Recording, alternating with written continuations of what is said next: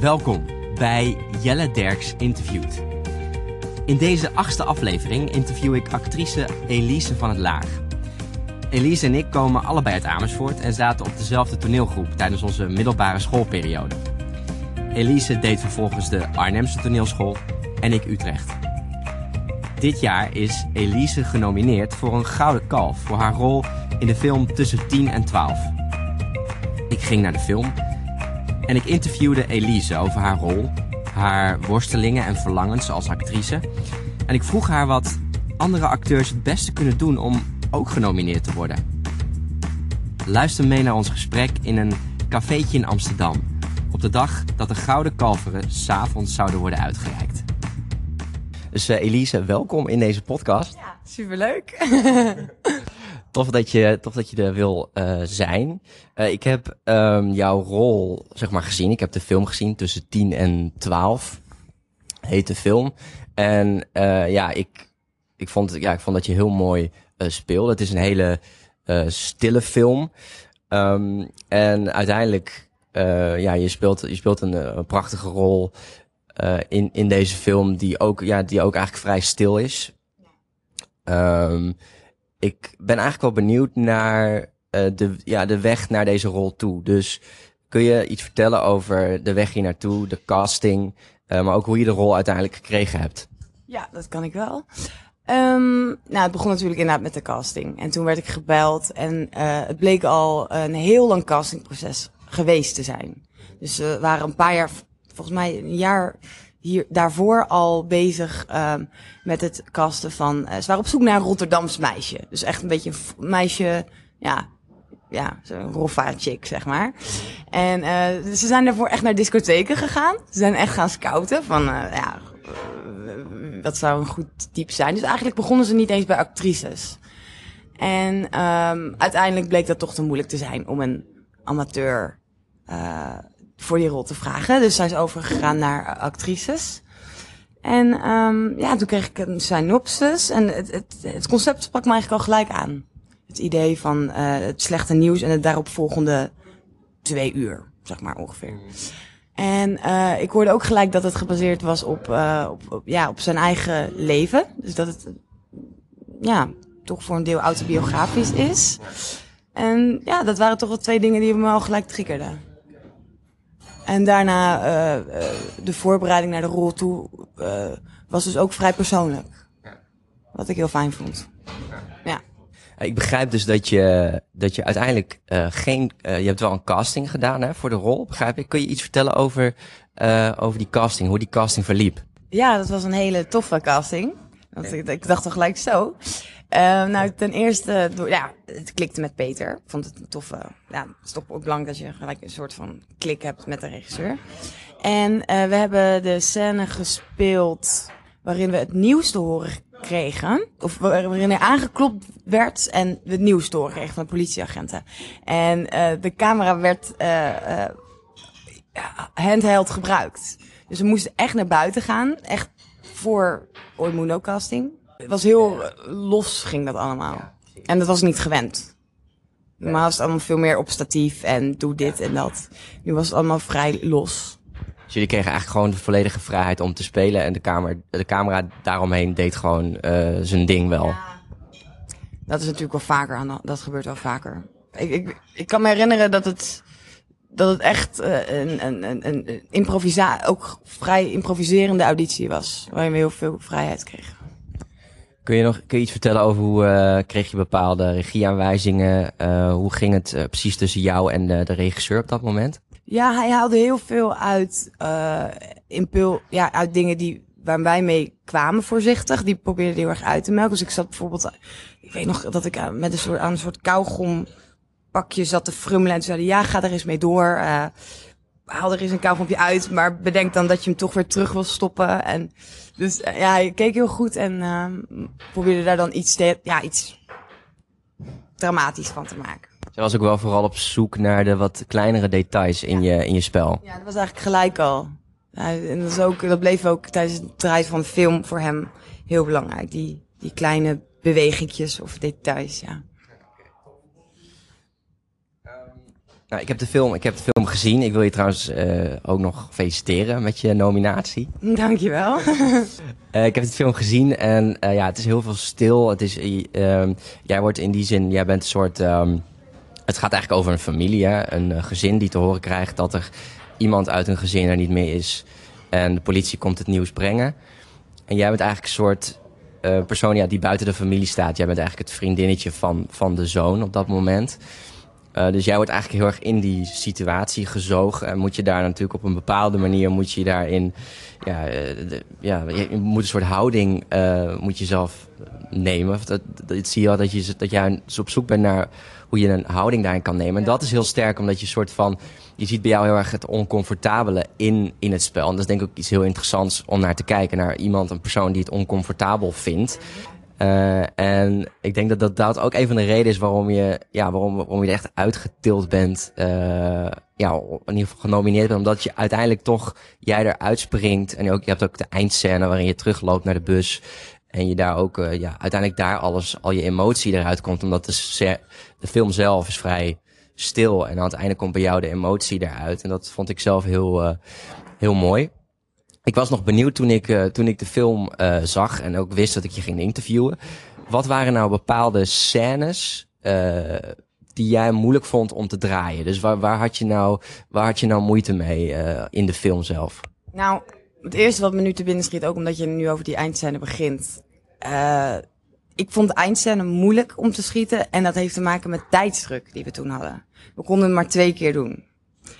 En, um, we hadden die zijn ook nauwelijks gerepeteerd.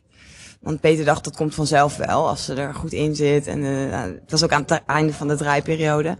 Maar toen, ik weet nog dat er heel veel haast was en dat ik, me, dat ik het heel moeilijk vond om me te concentreren. Terwijl toch wel een, ja, ik wilde natuurlijk ja, echt de intensiteit pakken. Dus ja, dat weet ik dat ik dat wel lastig vond. En Kun je iets vertellen hoe je daarmee omging? Hoe je dat, hoe je dat toch hebt geprobeerd om daar het uiterste uit te halen? Ja, ik heb me even teruggetrokken. En ik ben in de, in de, kleedruimte gaan zitten, zeg maar, muziek in mijn oren. En even, ja, vooral even aan, aan Peter gedacht hoe dat voor hem moest zijn geweest. En dat maakt het zo reëel. Dat dat, dat, dat verdriet, ja, dat ik dat wel vond. Ja een, een scène die heel, heel goed ging. Heel, wat echt, uh, ja, wat zo opstond, wat, wat, uh, wat echt, uh, ja, er zo opknalde, zeg maar. ja, ik moet als eerst aan, het begin, aan de beginscène denken. Dat, want Co, die, we komen er aanlopen, zeg maar, en Co begint te beatboxen.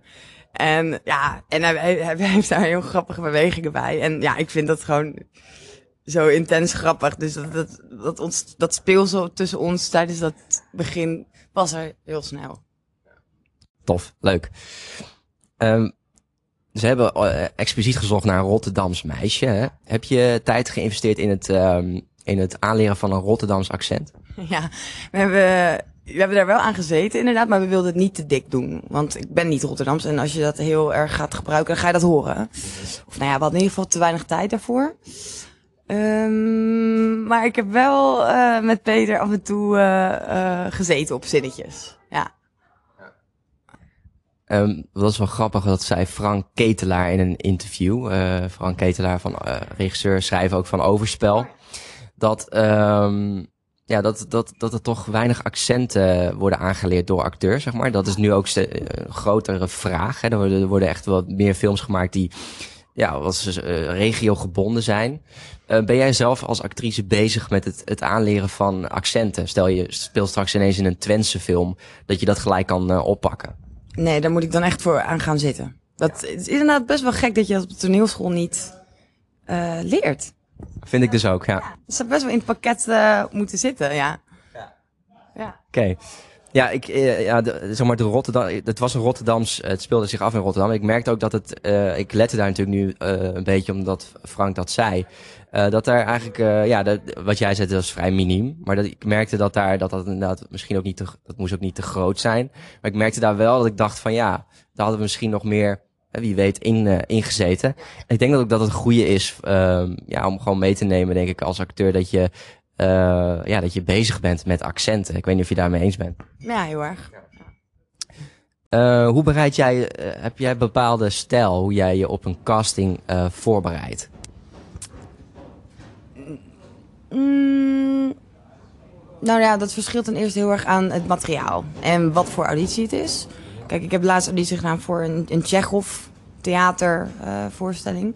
dat is totaal, dat vraagt een totaal andere voorbereiding natuurlijk op, op vakkundig gebied dan een ja, een, een, een, grappige scène in uh, Gooise Vrouwen.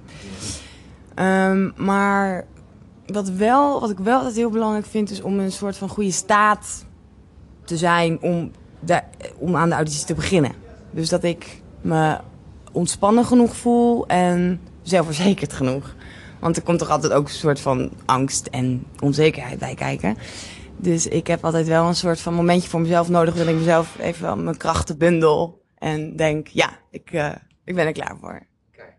Specifieke dingen wat je dan doet uh, om, om, om die rust te vinden, die zelfverzekerdheid? Bepaalde muziek luisteren. Dat verschilt ook per, per, per keer natuurlijk wat je nodig hebt. En uh, soms even een sigaretje roken. en ja, nou, denk aan dingen die goed zijn gegaan de laatste tijd. Gewoon een soort van mentale boost. Ja. Tof. Um, hoe leer jij je tekst? Heb je bepaalde methodes die je gebruikt om je tekst uh, te leren? Ik uh, leer vaak niet uh, in cafeetjes. Dus gewoon lekker ergens gaan zitten, drankje erbij en steeds opnieuw beginnen. Ja, gewoon best wel simpel. Ja, nou ja, en ik denk dat in het café, cafeetje zitten, dat dat misschien ook een goede, goede methode is. Dat je dan even inderdaad helemaal alleen bent. Misschien als je thuis zit, heb je misschien minder de focus of zo. Ik merk dat ik bijvoorbeeld ook in cafeetjes fijner werk. Uh, maar je zou bijvoorbeeld ook, hè, inderdaad, je zou het eh, kunnen, zelf kunnen opnemen, wat ik wel eens doe voor een auditie. En het daar dan steeds uh, naar luisteren. Ik ben ook aan bezig met een app. Rehearsal heet die app. En uh, daar wordt ook aan gewerkt in Amerika van, hè, om, om eigenlijk bepaalde methodes ja, te, te bouwen waarop je je tekst snel kan leren. En dat is, de, dus ja, ik, ik wilde ook meer over gaan, gaan schrijven op mijn blog. Dus dat is iets wat, wat ik een beetje in de gaten hou. Uh, voor mij helpt het wel inderdaad om het op te nemen en het dan steeds uh, af te luisteren bijvoorbeeld. Maar neem je het dan zo monotoon? Hoe zit het dan met tonen en klemtonen? Want ik wil het altijd zo open mogelijk houden voor mezelf. dat is een hele goeie. We, ja, probeer, ik probeer het wel ehm, dan ook weer opnieuw op te nemen en dan weer een nieuwe, nieuwe stijl. Dus dat je dat niet inderdaad, dat, dat, dat die emoties heel erg vast gaan zitten inderdaad. Wel, wel monotoon in het begin. En wat jij zegt, je moet het open houden. Dus probeer dan weer op een andere manier op te nemen. En dan weer te kijken van wat is er nog meer mogelijk. Ik denk ook inderdaad wat, dat was trouwens ook wel iets interessants wat uh, Tim Oliehoek zei. Dat hij soms ziet bij acteurs dat, het, dat uh, de scène helemaal is vastgezet. Dus dat het, dat, dat het zo uh, op een auditie uh, op één manier kan. En zodra je dus vraagt van kan, je het ook zo, dat, het, dat je ziet dat het er heel erg in vast zit. Dus dat is, wel, dat is wel iets waar je probeert uit te blijven, hoor ik ook. Ja, heel erg. Ja, ja, ja.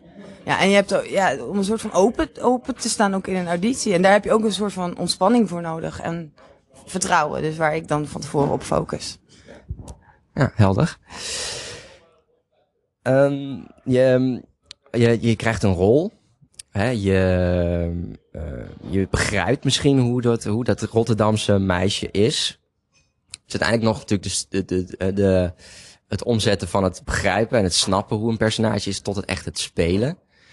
Uh, kun, jij, uh, kun je iets vertellen over hoe jij een, ja, een rol behandelt? dus je krijgt een rol en kun je ook vooral vertellen wat je thuis doet aan, aan, aan zelfstudie om een rol zo goed mogelijk te spelen? Um, ja, veel. Ik zoek toch ook vaak op YouTube naar beeldmateriaal. Van, dus in dit geval bijvoorbeeld van, van jongere meisjes. Want ik speel natuurlijk ook iemand die bijna tien jaar jonger is. Dus ik probeer dan een beetje meer in, dat, in, een, in een wereldje van iemand te duiken. En ja, daar, ja vooral beeldmateriaal, foto's en uh, filmpjes inspireren me dan wel. En ja, gewoon veel erover, na, veel erover nadenken. Als je in de trein zit of gewoon denk, soms een beetje, ja, fantaseren over uh, iemands denkwereld. Okay, dus ja, je houdt wel je creativiteit hoog door vooral ook uh, je fantasie op te wekken ja. binnen, dat, uh, binnen dat thema, beelden te, te bekijken, filmpjes en zo uiteindelijk echt ja, dat neem je denk ik ook op. Dat neem je op in je systemen. Dat, zo ga je ook bewegen. Was wel grappig, vond ik trouwens. Dat je, wel mooi ook, dat je ook echt een, uh, fysieke houder... Nou, ik kom dan, ik heb van Utrecht gedaan, dus heel erg fysieke school. dus ik zag heel erg ook je, ja, dat je heel erg in je fysiek ook uh, had gewerkt aan dat personage. Wat ik heel tof vond. En qua, qua styling vond ik heel goed neergezet. Ik geloofde, je bent gewoon ja, 25 of 24. Ja. En ik geloofde echt dat je, ja, hoe oud was je in de film? 18 of zo? Ja, ja. precies. Dat was heel mooi, heel mooi neergezet. Als, als acteur moet je natuurlijk, hè, je moet gekozen worden. Uh, ik heb ook wel eerder met jou uh, een gesprek gehad via Facebook, waarin ik je eigenlijk vroeg van ja, ook voor deze interviews, om echt te kijken naar wat speelt er bij acteurs, wat is een, een grote, een grote worsteling waar je soms mee, uh, mee loopt. En voor jou was het dat je op dat moment heel erg aan het wachten was op, uh, op rollen, zeg maar. Je, ja, je wilde eigenlijk je wilde heel graag spelen. Je was een soort jonge hond die lekker wilde spelen, maar je moest wachten. Maar uiteindelijk moet je natuurlijk ook gewoon geld verdienen. Dus je moet ook. Uh, dus dat is denk ik een, een, ja, een worsteling die ook veel andere acteurs hebben. Toch wel het financiële vlak. acteursbelangen heeft een. een soort verslag gemaakt, de actmonitor, waarin eigenlijk uitkwam dat twee derde van de acteurs uh, niet kan leven van, uh, van, van puur acteerwerk. Kun jij leven van puur acteerwerk? Mm, nee, eigenlijk niet. Ik heb nu dit jaar voor het eerst geen bijbaantje gehad. Uh, maar had wel gelukkig geld gespaard. Want het kan zomaar zijn dat je door één serie een enorme, uh, ja, enorm bedrag opeens wel op je bankrekening hebt staan. Dus dan is het ook een beetje managen van, ja, hoe ga ik dat geld uitgeven of ja, achterhouden. Um, maar ik moet zeggen, ik heb altijd wel best oké verdiend sinds mijn afstuderen aan acteren. Ik denk dat dat al, dat dat in ieder geval, hè, dat je uh, in ieder geval een deel, een goed deel kan betalen van, uh, dat dat in ieder geval, uh, heb je, ja, want kijk, ik bedoel, ik denk dat er heel veel, dat er gewoon heel veel acteurs hiermee worstelen. Uiteindelijk een derde uiteindelijk is het ook gewoon, is het denk ik ook gewoon geduld, hard blijven werken. En uh, ja, de, um, misschien moet je het ook, moet je ook kijken naar andere mogelijkheden. Ik denk dat je ook, als je kijkt naar hoe je bijvoorbeeld andere... Ik heb bijvoorbeeld zelf een andere passie ontdekt. Ja. En dat was voor mij schrijven en bloggen. En uh, ik merk dat ik daar, of de, ik verdien daar nu ook geld mee. Dus ik merkte bijvoorbeeld ook dat door uh, te kijken naar wat zijn er nog meer, wat voor passies heb ik nog meer, hoe kan ik dat bijvoorbeeld ook in het acteren verwerken. En dat je daardoor ook een soort vrijheid. Ik heb voor mezelf daar een soort voor vrijheid in gecreëerd om ook meer bezig te zijn met het artistieke. Omdat je misschien inderdaad, wat jij zegt, eh, snel kan uh, verzanden in het, in het, in het, ja, te veel uh, commercials doen. Maar het natuurlijk, het ene heeft het andere nodig. Dus je hebt uiteindelijk ook geld nodig om weer die artistieke dingen te maken, zeg maar. Heb jij, ja, heb jij tips, uh, heb jij tips voor voor, die, voor, zeg maar, voor acteurs die daar ook mee worstelen? Hoe ga je daar zelf mee om? Ja, ik vind het zelf, ik ben zelf enorm aan het worstelen, dus ik vind het heel moeilijk om daar advies over te geven. En wat jij net zegt, ik, ik eh, ontdek nu ook op, op dit moment in mijn carrière, noem ik het maar even, dat ik, um, ja, dat passieve ben ik, ben ik zat en ik voel dat, dat, dat, dat, dat dat er een, naast het acteren een te grote leegte nog is. Dus ik heb inderdaad ook behoefte aan, um, ja, iets ernaast. Waar ik ook gelukkig van word. Want ja, het is, het is soms zo, uh, ja, soms zo ook demotiverend als je gewoon afwijzing na afwijzing krijgt en in een soort wachtstand komt. Ja, dat.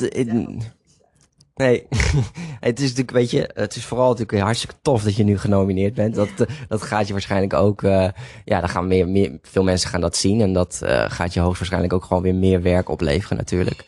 Uh, dus dat is, dat is ook vooral het, denk ik, het positieve aan dit verhaal. En natuurlijk is het denk ik ook, is het soms ook gewoon, um, ja, is, kijk, acteren heeft een prachtige kant. Maar het heeft ook gewoon, ja, het heeft ook gewoon een moeilijke kant. En daar wil ik ook zeker even, ja, het met je over hebben. Um, maar ik denk dat het, uh, ja, ik denk dat het gewoon ook heel goed is om te blijven denken aan waar je naar verlangt. Gewoon je, je diepste verlangens. Heb jij nog een, dat denk ik trouwens wel, heb jij een verlangen nog, naast dat je nu natuurlijk genomineerd bent, wat heel tof is, heb je nog een verlangen op het gebied van acteren? Iets wat je nog zou willen spelen? Iets wat je nog zou willen maken? Uh, waar, waar, verlang je, hè? Waar, verlang je aan? Ja, ik, ik verlang naar, uh, ja, naar. uh, ja, ik zou gewoon een keer echt een dragende hoofdrol in een film willen spelen. Want kijk, ja, ik ben nu genomineerd voor wat, een rol, maar die ik niet zie als een dragende hoofdrol. Uh, dus dat zou ik nog heel graag een keer willen. En er zijn gewoon vooral uh, mensen met wie ik nog zou willen werken.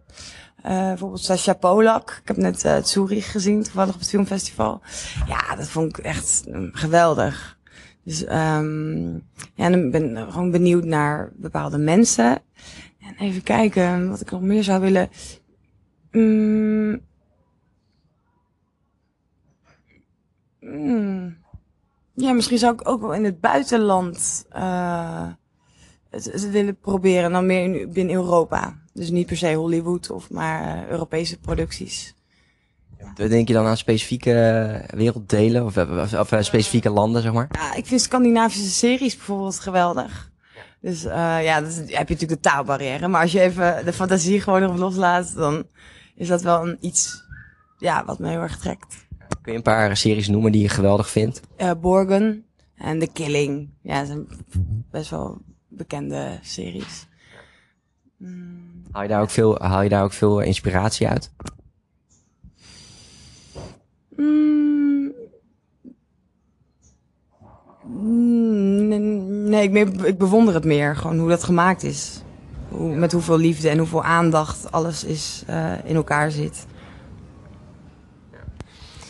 Je had een kleine discussie ook hè, over, of nou kleine, misschien was hij wel wat groter, maar over uh, hoe nu de Gouden Kalven zijn, uh, tot stand zijn gekomen. Heb je daar een bepaalde visie, een mening over? Want het is nu dan, er zijn nu honderd mensen geselecteerd, volgens mij binnen het film, filmpubliek, of regisseurs, et cetera, die ook maken, die hebben gekozen. Daardoor zijn ook een paar films die zich hebben teruggetrokken uit, uit die nominaties en niet meer mee willen doen. Heb je daar een bepaalde visie op? kijk je daar, hoe kijk je daar zelf persoonlijk tegenaan? Nou ja, ik, ik vind het zelf een beetje vaag. Want ik, je weet, je zijn inderdaad een paar. hoeveel mensen? Honderd, zei jij? geselecteerd. En, ik heb totaal geen idee wie dat zijn. Zijn dat producenten? Dat zal inderdaad een mix zijn van producenten, regisseurs en acteurs. Volgens mij oud, uh, oud Gouden Kalveren winnaars ook en zo. Ja, ik, ik, ik, ik, weet het niet zo goed. En ik, ik hoor nu ook dat er gestemd kan worden door een bepaalde groep bepaalde selectie mensen. En denk, ja, dan vraag ik me af, is het, je kan zomaar als je, ja, stel iedereen gunt Georgina die kalf, dan wordt het is ook een beetje een gunfactor die erbij komt kijken. En dat vind ik wel, ik weet, ik weet niet of, ja, dat vind ik niet zo tof. Nee, het zou, het zou, het zou dan echt weer meer moeten gaan over de kwaliteit van de rol en de kwaliteit van het spel. Ja, ja vind ik wel. Ja.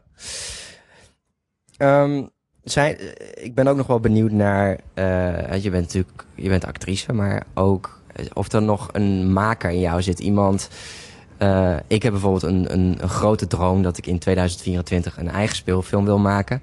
En die zal gaan over um, wat psychologische problemen, dus psychische problemen, kunnen doen in een gezin. Nou, het, zal, het zal zeker ook uh, een, Scandinavische uh, vibe krijgen, zeg maar. Het wordt heel erg dramatisch, zo zie ik het voor me. Um, uiteindelijk moet er ook natuurlijk moet daar een mooi, mooi licht over schijnen. Dat het ook heel veel kan opleveren binnen een familie. Het is iets wat ik heb zelf heb meegemaakt, wat ik heel graag zou willen maken. Hoe dat, wat een enorme impact dat, dat kan hebben. Uh, psychische problemen in een gezin. Um, is er iets waar jij nog, waar je, wat jij heel graag nog zou willen laten zien, zou willen maken op, uh, op acteergebied? Op, op, of op filmmaakgebied?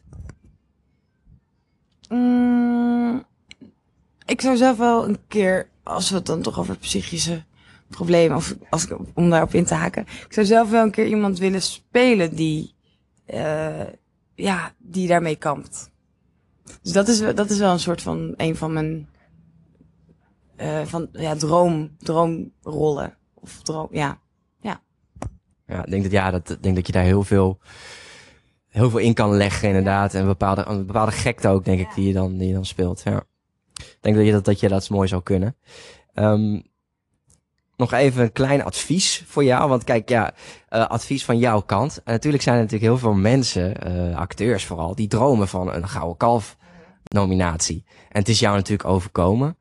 Um, ja, weet je, dus dat gebeurt gewoon. En uh, is er, wat, wat zou jij nou adviseren aan acteurs, zeg maar? wat, wat voor advies zou jij geven van nou, zo, zo krijg je uiteindelijk een Gouden Kalf nominatie? Poeh. Um, ik denk vooral dat de sleutel een bepaalde effort is. Of, of um, dus ik zou vooral adviseren om er voor de volle 100% voor te gaan als je, als je voelt dat je een mooie rol in handen hebt. En verder uh, verschilt het natuurlijk per, per stijl en per film en per rol uh, ja, waar de kracht ligt. Dus uh, ja, vooral de instelling. Ik denk dat, dat, dat, dat wij alle. Volgens mij zijn we met, met z'n vijven genomineerd. Dat de overeenkomst is dat we. Want er zijn hele verschillende films. Dat we, dat we allemaal er heel erg ingedoken zijn. En heel erg uh, uh, een soort van samensmelting hebben gevonden met de rol. Dus ik, ja, dan zou ik dat adviseren. Om, om er echt helemaal alles onderste uit de kant van een rol te halen. En dat, eh, dat doe jij heel erg dus door, door heel erg te kijken naar mensen die, die aansluiten op, jou, op jouw rol, daar heel erg over te fantaseren. Uh, kun je nog iets meer vertellen over hoe je dan, wat, je dan, wat je dan fantaseert? Want je, was, je, je speelt dan een Rotterdams meisje, maar doe je dan, ga je dan een soort dag uit het leven van voorstellen? Hoe werkt dat precies, die, die fantasie bij jou? Hoe, hoe het gaat wel vanuit de scènes die we hebben. Dus bijvoorbeeld, we hebben die scène dat we samen naar huis lopen. Waar komen we vandaan? Hoe lang ken ik hem nu? Um, ja, hoe hebben we elkaar ontmoet? Hoe, hoe, hoe denk ik, ben ik verliefd of nog niet? Of ja, ja, dat soort dingen. Dus het is wel gerelateerd aan scènes. Ja, dat vind ik wel heel mooi wat je nu zegt ik denk dat we daar dat ja dat dat dat het iets is om heel veel van uh, te leren. Dat je eigenlijk um, uh, wat is ik heb ook het boek Audition gelezen, Engel, een Amerikaans boek van Michael Shurtleff. En um, die geeft ook bepaalde methodes voor castings, voor audities. Echt een aanrader trouwens om te lezen. En die geeft ook bepaalde, bepaalde vragen. Bijvoorbeeld Jutta Hagen, dus ook dan een bekende actrice, Duitse actrice, heeft ook een boek, heeft ook een boek over geschreven uh, boeken geschreven, twee boeken zelfs, die ik, uh, waar ik er een van gelezen heb, waar ook in stond van, het is heel goed om eigenlijk om de scènes heen voor jezelf heel erg af te vragen, waar kom ik nu vandaan? Ja. Uh, wat, wat was, voordat, we, voordat deze scène begint, wat hebben we toen gedaan? Um, inderdaad, uh, hoe, uh, hoe denk ik uh, tegenover hem? Wat, wat is mijn... Ja, precies. En... Puur, ook wat heb ik nodig? Van wat, welke info heb ik nodig of welke, ja, ja. Wat zijn voor jou echt grote inspiratiebronnen? Waar heb je van geleerd? En laten we dan beginnen bij gewoon mensen. Um, ja, natuurlijk op de toneelschool krijg je verschillende docenten. En de een sprak me dan meer aan dan de ander. Uh, de andere, uh, de Jong. Ik vond het heel tof om met haar te werken. Um, we hebben namelijk, we stippelden namelijk een parcours uit voor een scène. En binnen dat parcours mochten we dus uh, improviseren, improviseren eigenlijk, ja. En dat was allemaal voor de camera. En we, je krijgt eigenlijk niet zo heel veel cameralessen in Arnhem. En volgens mij op andere scholen ook niet heel veel. En ja, dat was voor mij wel een openbaring. Dat ik inderdaad voor die camera een soort vrijheid vond. Ja. Tof. Kun je, kun je een, uh, een moment herinneren? Wat voor thema was het? En, uh, ja, het ging, het ging over een stelletje die elkaar die gescheiden zijn. Of, of, ja, de relatie is voorbij. En die zien elkaar weer na lange tijd. En dat, ja, er zijn allemaal ongemakkelijke momenten.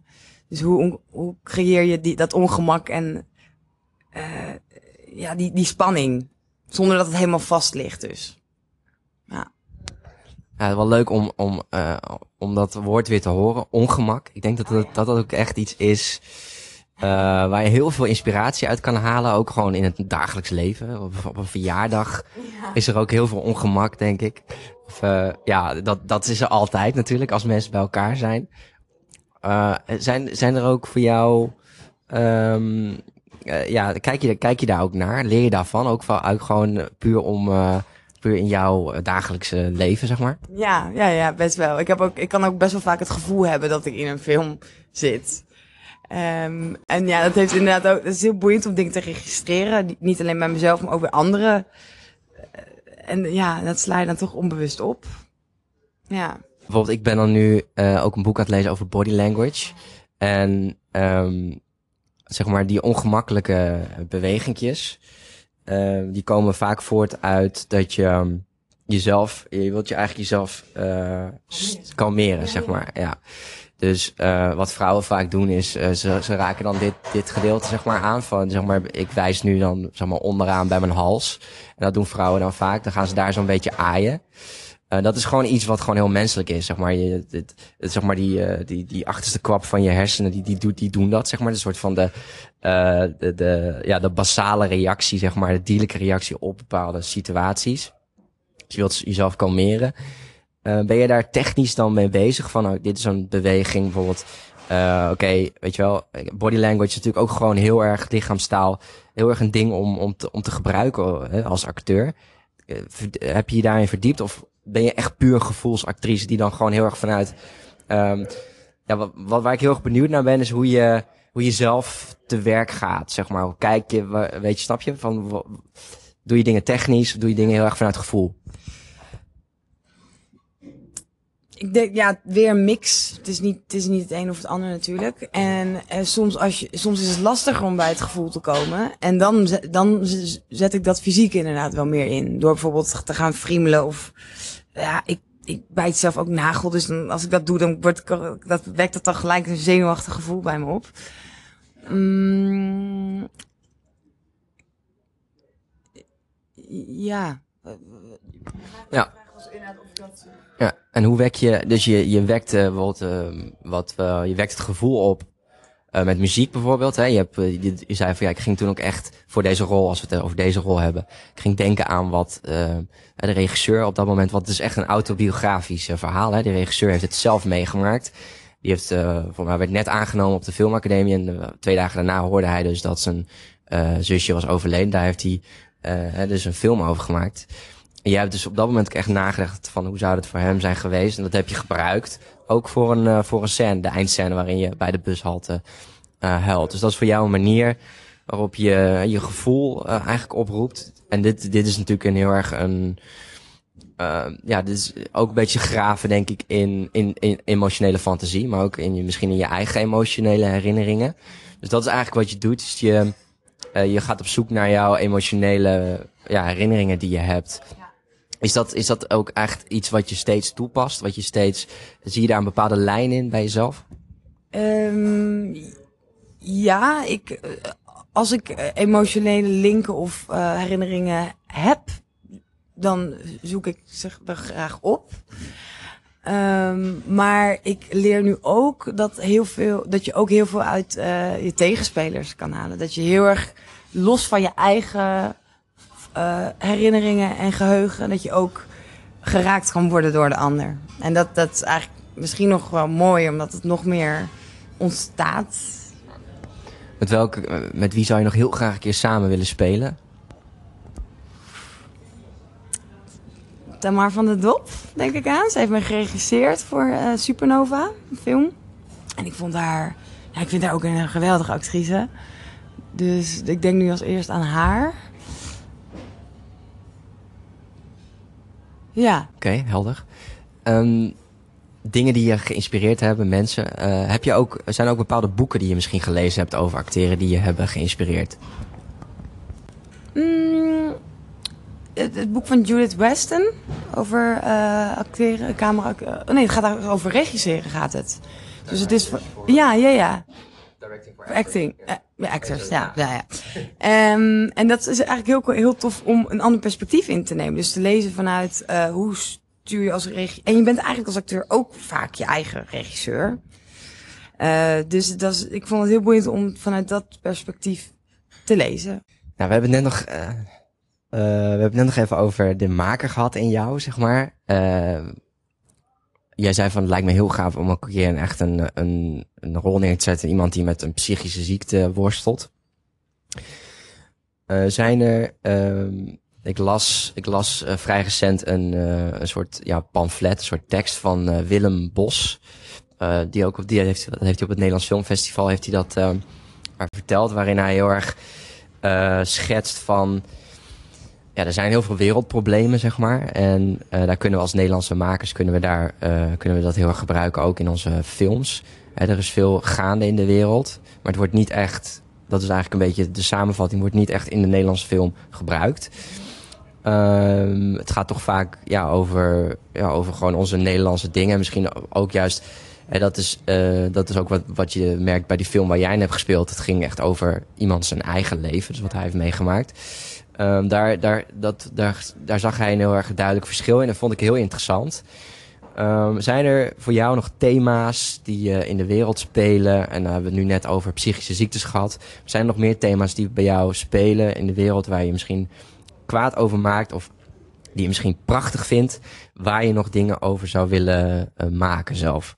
Ja, ik denk als eerst uh, aan, aan, aan, aan, de, ja, aan de wereld die steeds meer beschadigd raakt. En die we kapot maken met z'n allen. Maar is niet per se, dat, dat, ja, dat vind ik iets wat me heel erg aangaat. Maar ik zie niet voor me hoe ik dat in een film zou kunnen verwerken. Nou ja, kijk, kijk, ik zal nog even heel, uh, heel eerlijk vertellen waar ik dan nu ook zelf zeg maar heel erg mee bezig ben. Ook ik wil, um, voor mij is zeg maar zelf, zelf creatie, dat is een soort ding wat ik ontdekt heb. Um, ik heb eigenlijk als je als je het uh, vrij snel vertelt, dan heb ik een soort van verandering meegemaakt waarin ik dus heel erg, heel, eerst heel erg merkte dat ik een acteur was die vooral op zoek was naar, um, en dat is denk ik waar, ja, wat, wat, wat, waar denk ik veel acteurs in zitten. En dat is ook logisch, dat je bezig bent met gekozen worden. Dus je bent heel erg bezig met hè, audities en castings en je wordt afgewezen. En het is steeds uh, gekozen willen worden door anderen. En dus ook leuk gevonden willen worden door anderen. Dus moet je naar voorstellingen en zo moet je, zeg maar, dat, dat, dat een beetje. En natuurlijk is, dat, is het vooral ook, is het ook vooral ook heel tof. En ben je ook vooral natuurlijk acteur geworden omdat je dat heel gaaf vindt. Dus dat moet je ook uitstralen, vind ik. Maar dat, daar zit denk ik ook een, daar zit die kant ook aan. We die ook een beetje schetsen. Dat dat soms ook gewoon heel moeilijk is.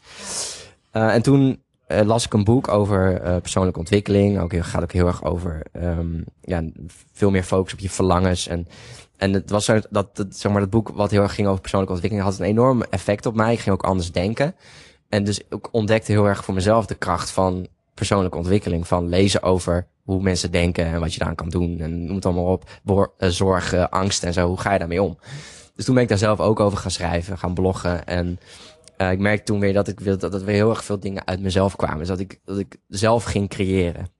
En daarmee ook anderen hielp en, inspireerde. En dat gaf me weer heel veel kracht. En nu ben ik eigenlijk dat wat ik, da wat ik heb ontdekt met dat bloggen. En, uh, wat veel meer gaat over minimalisme bijvoorbeeld, persoonlijke ontwikkeling, uh, creativiteit, echt een beetje relaties, echt de, de mensonderwerpen, zeg maar. Ben ik, heb ik dat ontdekt. En dat wil ik eigenlijk nu ook heel erg toepassen op het acteren. Dus daarom doe ik nu ook deze interviews. Dus ik wil vooral blijven onderzoeken en eh, ontdekken wat er gaande is. En daar dat ook delen met anderen. En daarnaast ben ik dus nu ook, zit ik heel erg in een uh, moment dat ik zelf dingen wil gaan maken. Nou, de, de tijd is, is, daar, is daar nu perfect voor. Je kunt op YouTube hè, een kanaal aanmaken. Jij, jij, zoekt, jij zoekt het zelfs op mhm. thuis. En uh, je kunt eigenlijk um, ja, iedereen bereiken puur door gewoon zelf je dingen te... En dat wil ik dus als acteur gaan doen. Nou, uh, ja, dat is, ja, dat, dat, is, en maar dat is voor mij ook, uh, ja, dat is dan uh, Steven Pressfield. Dat is een schrijver die ik heel tof vind. Die zegt van, datgene wat het meest, zeg maar, ja, relatie heeft tot je ziel, zeg maar. Dat is vaak ook het, het moeilijkst om mee te beginnen. En zoals, je, als je een boek wil schrijven, voel je, voel je weerstand. Want dat, dat is moeilijk. En je hebt veel makkelijkere dingen. Je hebt uh, Facebook en je hebt uh, alle makkelijke dingen van, van tv kijken, noem het allemaal op. Dus is dat moeilijk. En dat voel ik er nu dus ook. Heel erg die weerstand van, nou, weet je wel, en ik wil ook weer niet, ja, wil ook weer niet, het moet er allemaal weer niet te amateuristisch uitzien, maar ik moet ook gewoon beginnen. dus ik, voor mij een thema, en dat is ook iets wat ik, wat er aan gaat komen, is heel erg uh, zelfcreatie. Dus dan, dan zou ik bijvoorbeeld iets kunnen pakken, hè, bijvoorbeeld wat jij zegt over de, de, de wereld uh, langzaam kapot gaat. En ik zou bijvoorbeeld een personage kunnen spelen die zich daar enorm aan ergert en daar, uh, daar extreem last van heeft. En dat gewoon filmen en dat laten zien. Ja. En maar ook vooral laten zien hoe ik dat aanpak. Dus hoe ik dat personage speel. En um, omdat ik het ook belangrijk vind om dan ook te laten zien aan acteurs van nou, wat, kunnen, wat kan ik hier dan bijvoorbeeld van leren? Um, ja, dat is eigenlijk een beetje om een voorbeeld te geven van hoe jij bepaalde. Hè? Hoe je toch als acteur, denk ik, bepaalde thema's in het leven toch. Um, want uiteindelijk ben je natuurlijk ook gewoon uh, een kunstenaar, zeg maar. Of ja, uh, iemand die wat artistieks wil laten zien. En het is eigenlijk zonde, misschien, misschien wel, als dat alleen maar afhankelijk is van anderen. Uh, dus dat je ook zelf, dat je echt voor jezelf de, de mogelijkheid pakt. We, hebben het ook wel eens over gehad online. Van het is heel gaaf om uh, met een groep, gewoon, dat zei Marcel Visbeen ook in, in, in ons interview. Van, um, hij regisseert dan nu bijvoorbeeld dokter, dokter Tines. En hij heeft ook projecten gehad waarin hij echt met een grote groep mensen in een, zichzelf in een huisje voor twee weken lang gewoon even aan het opsluiten was en daar met z'n allen een film maakte. En dan echt gewoon, wat willen we maken? Wat gaan we doen? Weet je ook een beetje hoe um, die film is ontstaan van uh, Lars uh, von Trier met al die, ja, met al die gekke mensen, zeg maar, in, in één huis. Ja, idiots. Ja, moet ik ook gelijk aan denken. Uh, dus dat je, dat je voor jezelf heel erg de mogelijkheid pakt om ook gewoon zelf dingen te blijven maken. Tuurlijk wil je uh, in een gave serie spelen of in een mooie film. En maar ik denk dat het voor een, denk dat het ook een beetje verdwenen is in acteursland. Dat we dat, uh, dat, we dat blijven doen. Nou, dit is voor mij een heel lang, uh, heel lang verhaal, heel lang betoog, zeg maar. Maar de, waar, ja, iets waar ik heel erg mee op dit moment mee, uh, waar ik aan denk. Hoe denk jij daar zelf over als je dit zo hoort? Ja, dat, dat inspireert me. of ja, dat, dat prik, dan denk ik, ja, je hebt, ja, ja, je hebt gelijk. Ja, dat, dat ja. dus mooi dat je het betoog hield. Ja. Kun je dat, ja, dus dan zouden bijvoorbeeld voor jou dat, dat, dat je een personage neerzet die, die misschien juist helemaal niet daarmee bezig is. Met, met, met hoe de wereld langzaam stuk gaat. En die allemaal maar shit weggooit de hele dag. En uh, ja, dat zou dan voor jou een, een, een thema kunnen zijn. Zijn er verder nog dingen die je, die je inspireren? Dingen in de wereld? Of waar, je, waar je inspiratie uit haalt? En dat is dan dit dan de, de laatste vraag. Ja, de liefde natuurlijk. Dus um, ja, hoe dat, hoe dat kan werken en niet. En hoe mensen elkaar ontmoeten fascineert me ook. Uh, maar dat zijn inderdaad weer kleinere thema's. Of menselijkere thema's. Nee, ik denk dat, ik denk dat, nee. Maar eh, omdat jij net had over grotere, grotere thema's, problemen. Ik denk dat liefde een enorm groot thema is. Dat het, dat, dat misschien ook juist uh, ja, dat dat ook vaak de, natuurlijk de oplossing is voor, uh, voor die woede, zeg maar. Maar dat, ja, je hebt de donkere kant en de, en de, en de, en de lichte kant, zeg maar. Ja. En dat is denk ik een hele interessante uh, tweestrijd. nou, Elise, enorm. Ja, ik, even kijken. Ja, ik wil je sowieso enorm bedanken dat je dit, uh, dit interview uh, wilde doen. Zijn er voor jou nog dingen waar je van denkt van nou, dat, um, uh, dat vind ik interessant om nog te zeggen of eventueel ik zie je nee schudden, dus nee. nee. Nou, ik, ja, ik, ik hoop gewoon enorm dat je die kalf wint. Lijkt me echt geweldig. Um, fantaseer je al stiekem al een beetje uh, over het moment dat je daar ineens staat met dat ding in je hand? Oh, ik ben er niet bij. Ik, ben er, ik, ik moet zelf spelen vanavond. dus uh, ik ga er sowieso niet staan. Uh, nee, en eigenlijk fantaseer ik er ook niet echt over. Nee, ik... ik je, bent, je, je, kon er gewoon niet bij zijn omdat je nu aan het spelen bent in een theatervoorstelling. Ja, ja, ik ga vanavond in Amsterdam, in Frascati. Okay, kun je daar iets over vertellen? Voor welke gezelschap uh, dat is en waar je, wat je precies speelt? Ja, ik speel uh, bij het toneelgroep Oostpol. De Onrendabele heet het. En daar spelen we een gezin. En die in een container geplaatst is. Dus een vrij asociaal gezin. En ik ben dan de jongste dochter.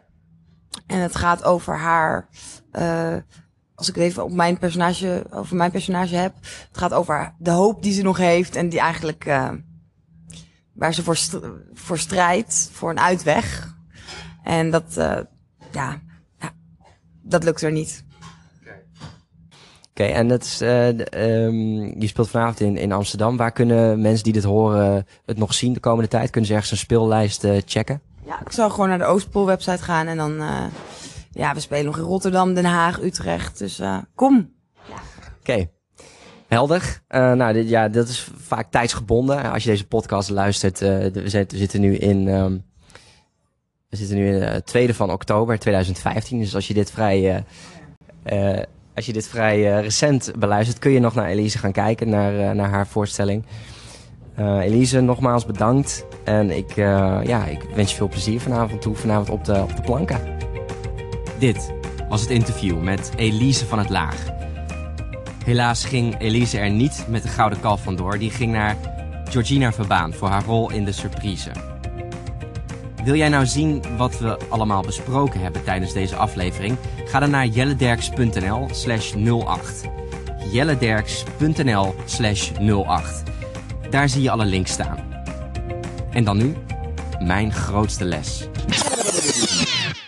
Het gaat wel vanuit uh, de scènes die we hebben. Dus bijvoorbeeld... Uh, uh, we hebben die scène dat we samen naar huis lopen. Waar komen we vandaan? Hoe lang ken ik hem nu? Uh, ja, hoe hebben we elkaar ontmoet? Hoe, hoe, hoe denk, ben ik verliefd of nog niet? Of ja, ja, dat soort dingen. In het interview komen er een paar dingen steeds naar boven. Ongemak en fantasie. Vooral de fantasie die Elise gebruikt om na te denken over de scène en het personage vond ik inspirerend. Wat is mijn relatie tot mijn tegenspeler? En ben ik echt verliefd of, of niet? En wat is er gebeurd voor de scène die we nu spelen? Fantaseer en geef je rol meer diepte en inhoud. Ik hoop dat je hier wat aan hebt gehad. En tot de volgende. Jelle Derks interviewt.